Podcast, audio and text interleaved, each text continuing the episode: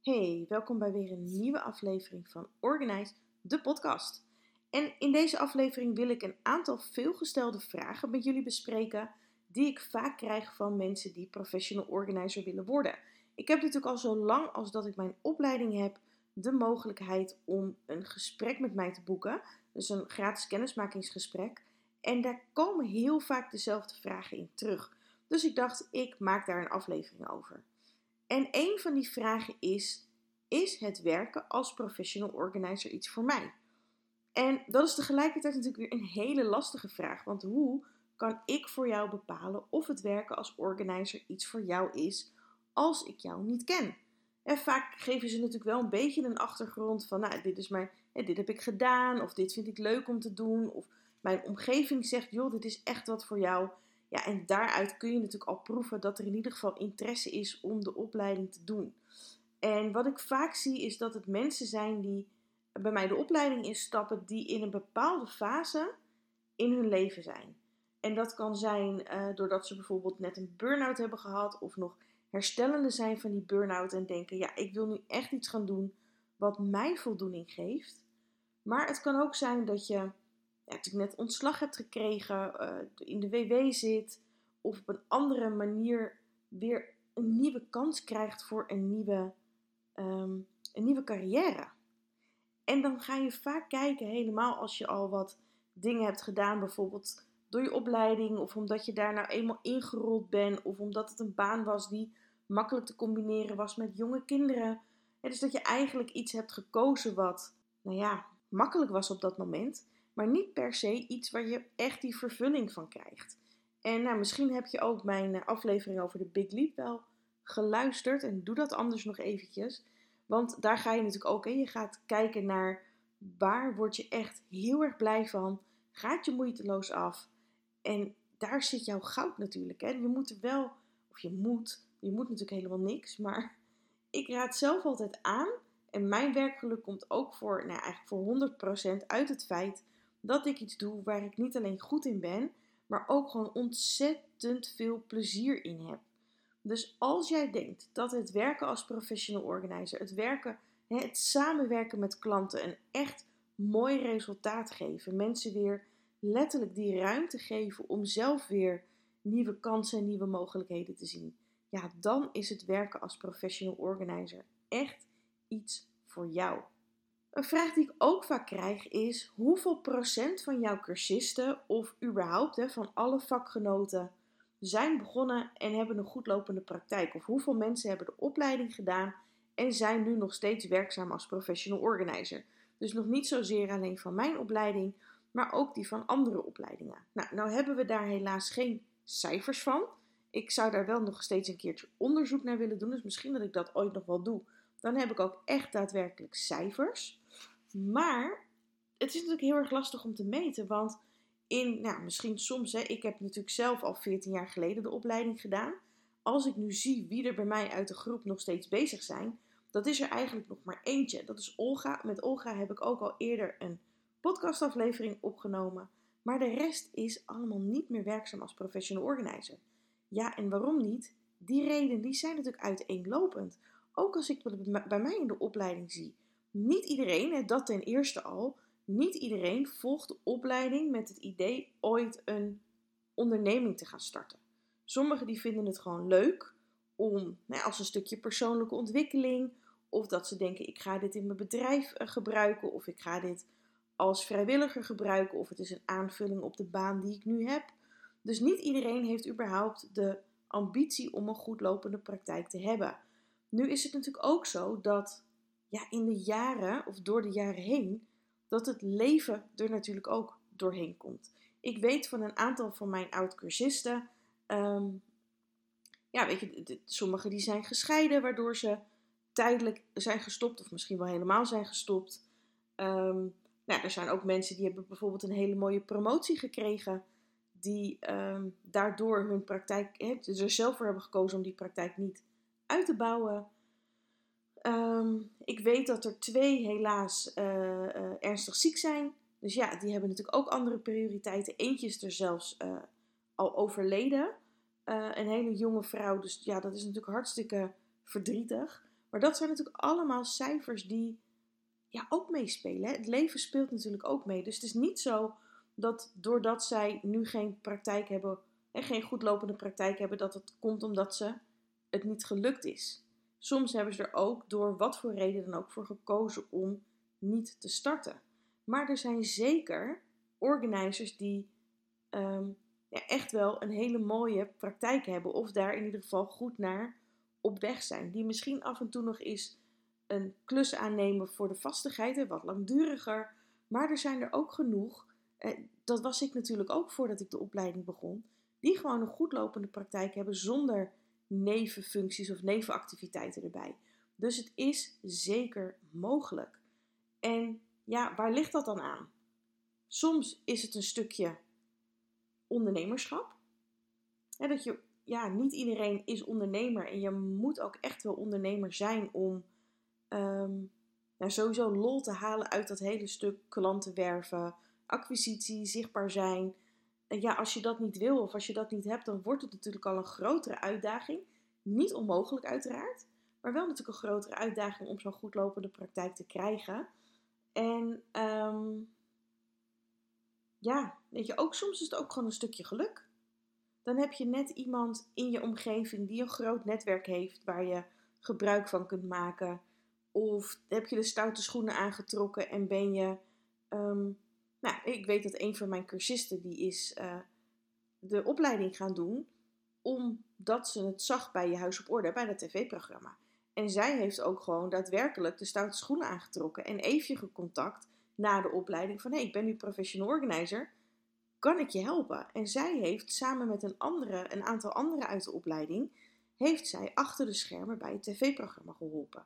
Ik weet dat twee van mijn oud-cursisten, die werken ook bij eh, BN'ers. Ik zag toevallig net dat uh, José, organized bij José, die was bij Badr Hari bezig, want die was aan het verhuizen.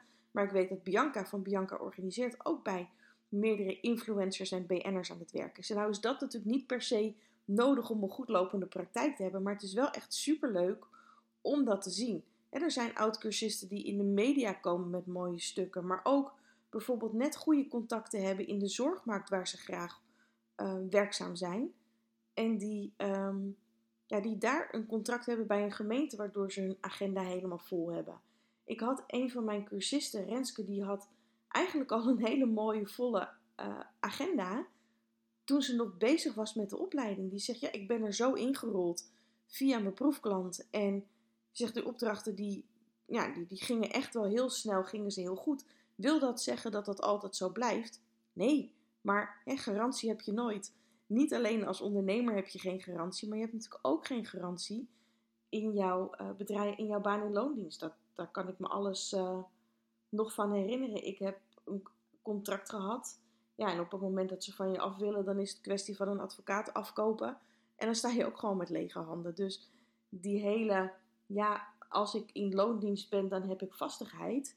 Ik vind dat altijd zo'n kromme regel, want ik heb ook gemerkt dat die vastigheid soms echt gewoon een wassen neus kan zijn. Maar goed, dat over die goedlopende praktijk. Wat er ook vaak wordt gevraagd is: hoe snel heb ik klanten?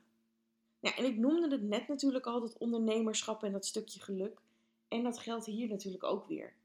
Het kan zijn dat het best wel een lange aanloop heeft voordat je klanten hebt. En dat is logisch, omdat mensen niet.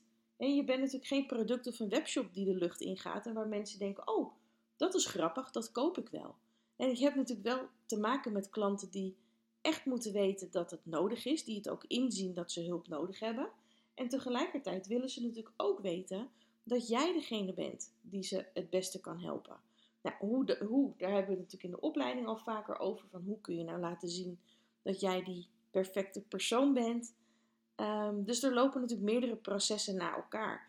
Dus soms heb je mazzel, heb je vrij snel klanten of zelfs al vanuit de oproep voor een proefklant. Want dat is hetgeen wat ik vaak doe. Um, of wat ik wil adviseren is mensen die een proefklant zoeken. Uh, om dat niet de makkelijke weg te nemen en dan naar bekenden te gaan. Maar ook echt een oproep te zetten op nou ja, welke manier dan ook. Omdat je dan al je eerste exposure hebt. En sommigen die hebben ook echt wel dat hun proefklant een betalende klant wordt. Of dat ze bijvoorbeeld vijf reacties hebben en dat ze daar één iemand uitkiezen om gratis bij aan het werk te gaan. En dat ze die andere vier een aanbieding doen. Nou ja, en soms zeggen ze: prima, kom maar. En dat kan gelijk zijn, dat kan natuurlijk ook nog over een tijdje zijn, omdat ze dan opeens denken: oh shit, nou moet ik ervoor betalen, nou moet ik er natuurlijk wel budget voor hebben. Maar dat zijn allemaal dingen die meespelen. Dus ja, hoe snel heb je klanten? Is gewoon een hele. Eh, ook dit is weer gewoon een hele lastige vraag. Omdat daar geen gouden regel voor is. En ik weiger om mee te doen in dat hele business coach principe. Je ziet natuurlijk heel vaak van die business coaches die zeggen: Ik garandeer je je investering in drie weken terug. Of je hebt binnen drie, drie maanden of vier maanden heb je 10k per maand wat je, ehm, wat je omzet. Ja, ik ga gewoon die toezeggingen niet doen. Omdat het echt wel ook ligt nou, hoe ondernemend ben je, hoe zichtbaar ben je. En ook weer soms gewoon dat stukje geluk. Ehm, ja, een andere vraag waar ik wel heel goed antwoord op kan geven, is kan ik opstarten naast mijn baan in loondienst? En daar kan ik volmondig ja op zeggen. Ik ben zelf ook begonnen naast mijn baan in loondienst. En er zijn heel veel organizers die ja, die vastigheid gewoon nog niet los durven te laten. En zeggen: Ik ga het rustig gaan opbouwen vanuit mijn loondienst. Helemaal prima natuurlijk. Ik heb het zelf, nou wat ik zei, ik heb het zelf ook gedaan. Maar ik wil jullie er wel voor waarschuwen. En dat is wat ik ook heel vaak te horen kreeg als ik dan bijvoorbeeld op een netwerkbijeenkomst was of ergens in een groep bij een business coach. En ik zei dat ik er ook nog in loondienst bij werkte. En zij zeiden mij toen ook van ja, je zal merken dat ook al is het maar, want ik werkte op een gegeven moment nog maar 16 uur in loondienst. Van ja, maar ook al is het maar 16 uur, ook al is het maar 8 uur, het is een stukje, ehm, hoe moet ik dat noemen? Ehm, een stukje focus wat je mist. Want je bent ehm, op twee paarden tegelijk aan het wedden. En op het moment dat je echt moet gaan ondernemen en echt omzet moet halen, ga je veel creatiever ondernemen en zul je merken dat die goedlopende praktijk veel eerder te realiseren is. En ik dacht altijd, ja doei, dat is lekker makkelijk zeggen. Maar hè, als ik straks mijn baan opzeg en het komt niet en jouw woorden komen niet uit, dan ja, ben ik de lul om het zomaar gewoon eventjes te zeggen zoals het is. Dus, uh, maar op een gegeven moment heb ik het toch gedaan en toen merkte ik dat ze gelijk hadden. Want je kunt nou eenmaal niet op alles tegelijk focussen.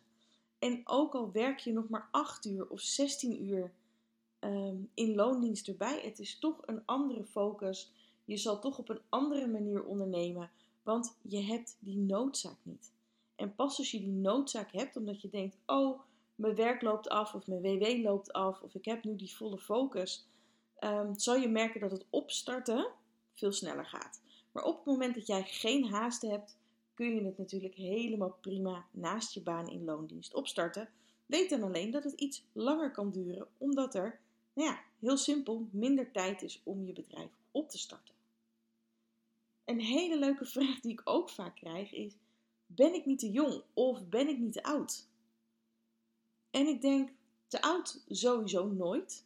Want ik bedoel, we moeten steeds langer doorwerken. En er zijn natuurlijk ook heel veel mensen die ook al hoeven ze niet meer te werken, toch nog heel fijn vinden om te werken. En dan hoeft dat natuurlijk niet 40 uur in de week te zijn, maar kan dat best gewoon af en toe eens een klusje zijn. Dus nee, je bent sowieso nooit te oud. Te jong, dat kan nog wel eens zijn. Maar dat ligt er natuurlijk ook weer aan. Kijk, de ene 25-jarige is de andere 25-jarige niet. Of de ene 18-jarige is de andere 18-jarige nog niet. Dus die is lastiger, want daar hangt het echt wel af van hoe jij ook bent als persoon. Zelf was ik 30 toen ik startte en dat vond ik toen al jong. Omdat ik dacht van ja, maar al die dames bij wie ik aan het werk ga, die zijn allemaal ouder. Ik had er echt alleen maar klanten die ouder waren dan dat ik was. Toen dacht ik ja, maar dan, eh, wie ben ik nou om dat te zeggen? En eh, wie ben ik nou om ze te vertellen wat ze moeten doen? Maar dat zat echt wel tussen mijn oren. En ik merkte dat het in praktijk, dat eigenlijk niemand dacht van, oh, ik ga niet bij haar uh, mijn traject doen, want ze is veel te jong daar letten ze totaal niet op. Want ja, het is het belangrijkste dat jij je kunt ehm, profileren als expert. En mijn jongste cursist was begin 20. Nee, die was zelfs nog net geen 20. En daar heb ik wel echt een heel goed gesprek mee gehad van tevoren. Want ja, ook eerlijk gezegd, want het kan natuurlijk zijn dat het nog lastig is Want dan ben je natuurlijk wel heel erg jong. Maar zij wilde bijvoorbeeld ook nog wat VA-taken gaan doen. En die zakelijke markt op, zeg maar. Uh, met ondersteuning. Dus toen heb ik gezegd van joh, misschien kun je beter daarmee beginnen. Maar ja, je kunt het particuliere organiseren natuurlijk altijd proberen. En het mooie is dat als je zo jong begint, dat je wel nog heel, um, ja, niet heel kneedbaar bent, want dat ben je allemaal nog wel op het moment dat je net weer iets nieuws begint. Maar je bent nog heel leergierig en het is nog makkelijker omdat je, ja, je komt gewoon net van school af. Dus je bent ook, wat ik merk aan die hele jonge meiden, die dan bij mij de opleiding doen, die staan veel meer open voor um, gelijk al verdiepen. Zeg ik dat goed? Ja. Ja. Maar het hangt echt wel af van je persoonlijkheid. Of je dat aan kan of niet. Maar goed, eigenlijk, ja, te jong of te oud. Ik vind zelf dat je nooit te jong of nooit te oud bent. Um, ja, en dan, hè, dit zijn natuurlijk nog maar een greep uit de vragen. En wil je nou nog veel meer weten? Van 6 tot 10 november organiseer ik weer een nieuwe Woord Organizer Week. En de mensen die mij al langer volgen, die weten dat ik dat twee keer per jaar doe. En dat die Woord Organizer Weken inmiddels echt een begrip zijn in, ja, in organizing land. Want we duiken een hele week vol in het werken als professional organizer. We hebben iedere dag live sessies in een Facebookgroep. Die je ook weer terug kunt kijken op het moment dat je er natuurlijk niet live bij kunt zijn. En waar we dan op ingaan is inderdaad die vraag van is professional organizer iets voor mij? En daarin vertel ik veel meer over het vak en wat we allemaal doen en wat we allemaal kunnen doen. Zodat je zelf die keuze kunt maken, is het organizer iets voor mij? We hebben het over de competenties die jou een goede organizer gaan maken. Eh, de valkuilen die je kunt tegenkomen als professional organizer. We gaan het hebben over de fundering voor je bedrijf. Dus een goede fundering om je bedrijf op te bouwen. We hebben het over kansen in de markt. Ehm, ja, en nog zo verschrikkelijk veel meer. We hebben een werkboek. En als je die voor het einde van de week inlevert, dan win je ook nog eens toffe prijzen. En dit keer is het ook voor het eerst de mogelijkheid om je in te schrijven voor een pilotversie van mijn online opleiding. Want ik gaf mijn online opleiding altijd uh, ook live via Zoom. Maar daar heb ik nu verandering in gebracht. Omdat ik merkte dat er toch wel heel veel vraag was naar, uh, ja, naar een opleiding die je direct kon starten op het moment dat je, dat je die knoop had doorgehakt. En dat je dus niet hoefde te wachten tot de opleiding zou starten. En wij hebben daar een hele mooie um, weg in gevonden. Waarin je dus zowel online op je eigen tempo kunt leren maar toch die stok achter de deur hebt die je ook hebt tijdens een klassikale groep. Omdat we ons ook heel erg realiseren dat, we, ja, dat het natuurlijk ook belangrijk is dat je de opleiding afmaakt. Ik heb er niks aan op het moment dat er natuurlijk heel veel mensen de opleiding instappen en dat 80% hem niet afmaakt. Zo wil ik mijn opleidingen niet vol krijgen. Ik wil echt dat iedereen er het maximale uithaalt. Nou, en daar hebben we een hele mooie, uh, ik denk wel een hele mooie vorm voor gevonden. Daar vertellen we je van alles over in de Word Organizer Week. En waarschijnlijk, nou misschien dat ik er ook nog wel een podcast over opneem op het moment dat ik hem echt in de markt heb gezet. Maar um, het leuke, het allerleukste aan die Word Organizer Week is dat we, hij is van 6 tot 10 november. En woensdagavond 8 november hebben we een Vraag het de Organizer sessie. En tijdens die sessie heb ik een aantal van mijn oud-cursisten gevraagd of zij in een Zoom jouw vragen willen gaan beantwoorden. Dus dan kun je het niet alleen hebben over die algemene vragen, maar kun je dus echt vragen stellen aan mensen die jou voor zijn gegaan in dat traject om de opleiding te doen.